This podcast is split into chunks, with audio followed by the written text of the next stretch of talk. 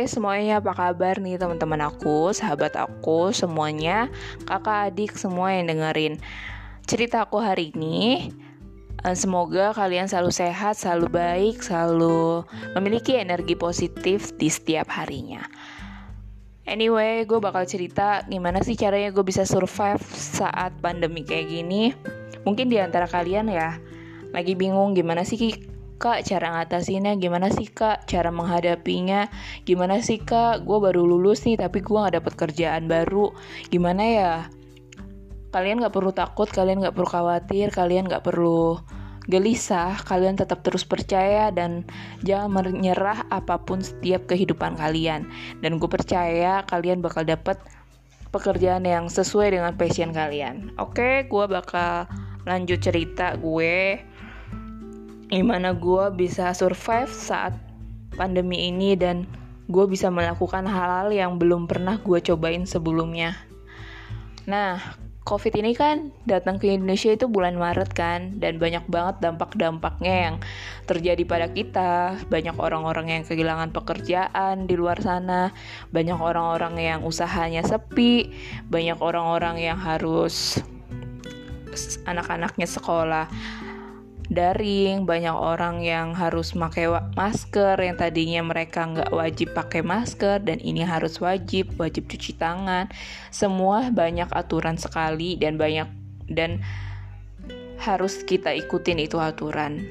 Nah, gue ini awal-awal pandemi di keluarga gue ini kan sering banget minum jamu.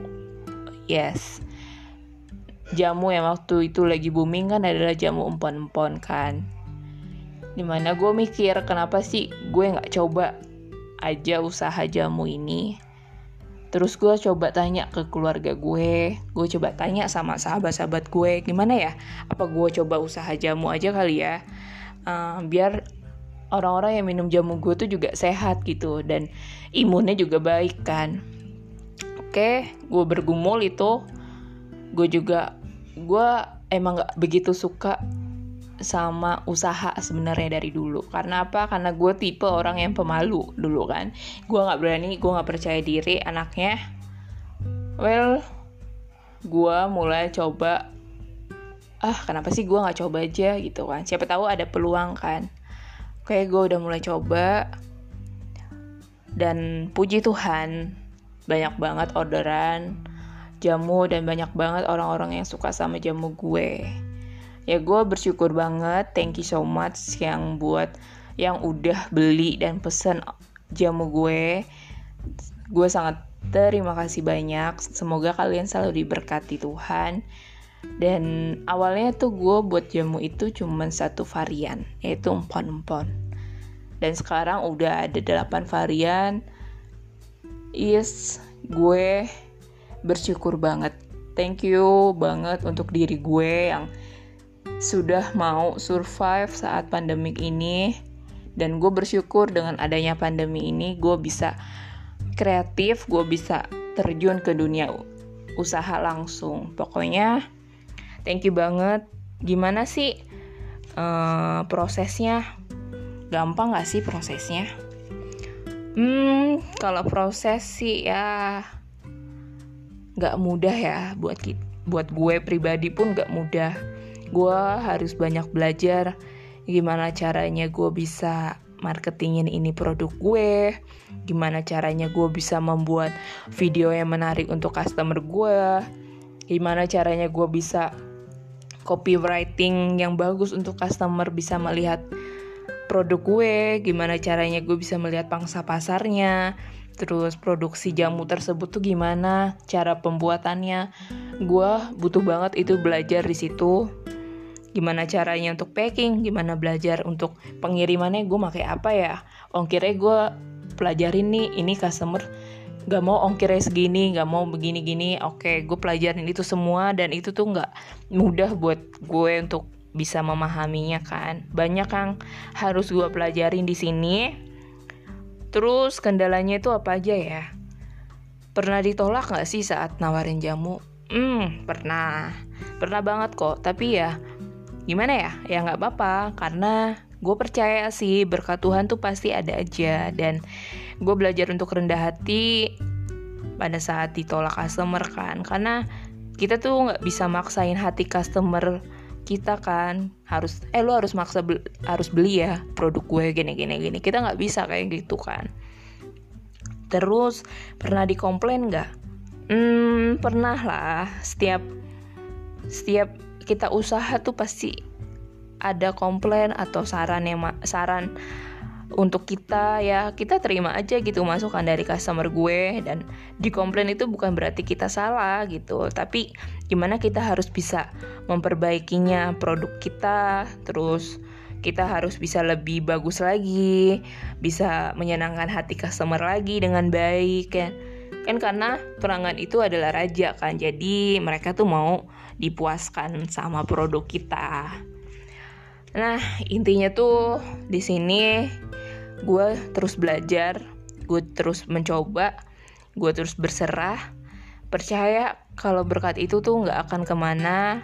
Jangan pernah ngeluh, jangan pernah pesimis. Pasti Tuhan kasih yang terbaik buat kalian semua. Dan sampai saat ini gue pun juga terjun ke dunia usaha kue karena lagi booming boomingnya Natal jadi kan otomatis semua orang-orang kan butuh hampers, butuh uh, hadiah Natal. Nah, gue di sini juga buka usaha kue dan puji Tuhan banget uh, semua bisa berjalan dengan baik. Uh, eh, gue bersyukur banget. Gue udah bisa mulai berani apa ya yang awalnya gue gak pernah suka itu jualan dan akhirnya gue bisa suka dan gue gak apa-apa gue ditolak tuh gak apa-apa gitu gue percaya berkat Tuhan tuh pasti ada aja gitu kan. Nah buat kalian yang ingin coba hal-hal yang baru temuin dulu nih passion kalian itu di mana. Terus pelajarin uh, bisa atau enggak. Gimana sih caranya perintilan-perintilannya tuh kayak gimana sih? Apa sih yang gue butuhin? Apa sih yang harus gue lakuin? Nah kalian harus pelajarin itu semuanya. Tekunin berdoa bergumul. Pasti Tuhan buka jalan. Kalau memang itu passion kalian yang kalian cintai pasti kalian bisa.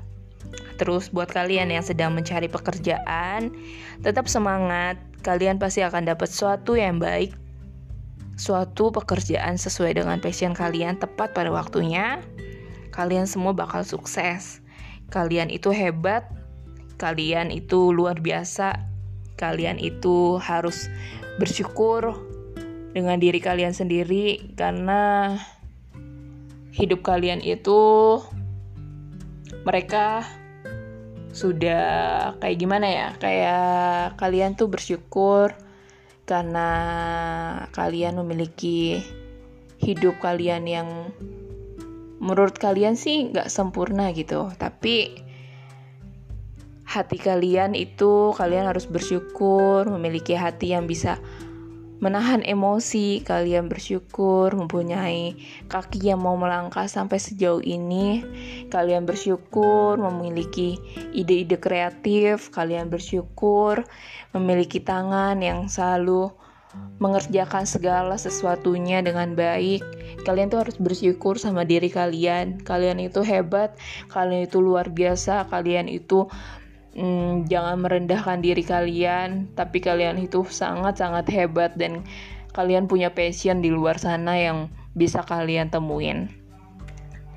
Buat kalian yang sedang kehilangan pekerjaan, ya gue tahu itu tuh sangat sedih dan gue tahu itu sangat sulit buat kalian, tapi kalian itu apa ya harus berani keluar dari zona nyaman kalian dan gue percaya ketika kalian keluar dari pekerjaan itu dan kehilangan pekerjaan di sana, di depan sana ada pekerjaan yang baru yang akan jauh lebih baik untuk kehidupan kalian. Pokoknya tetap semangat, jangan pernah menyerah.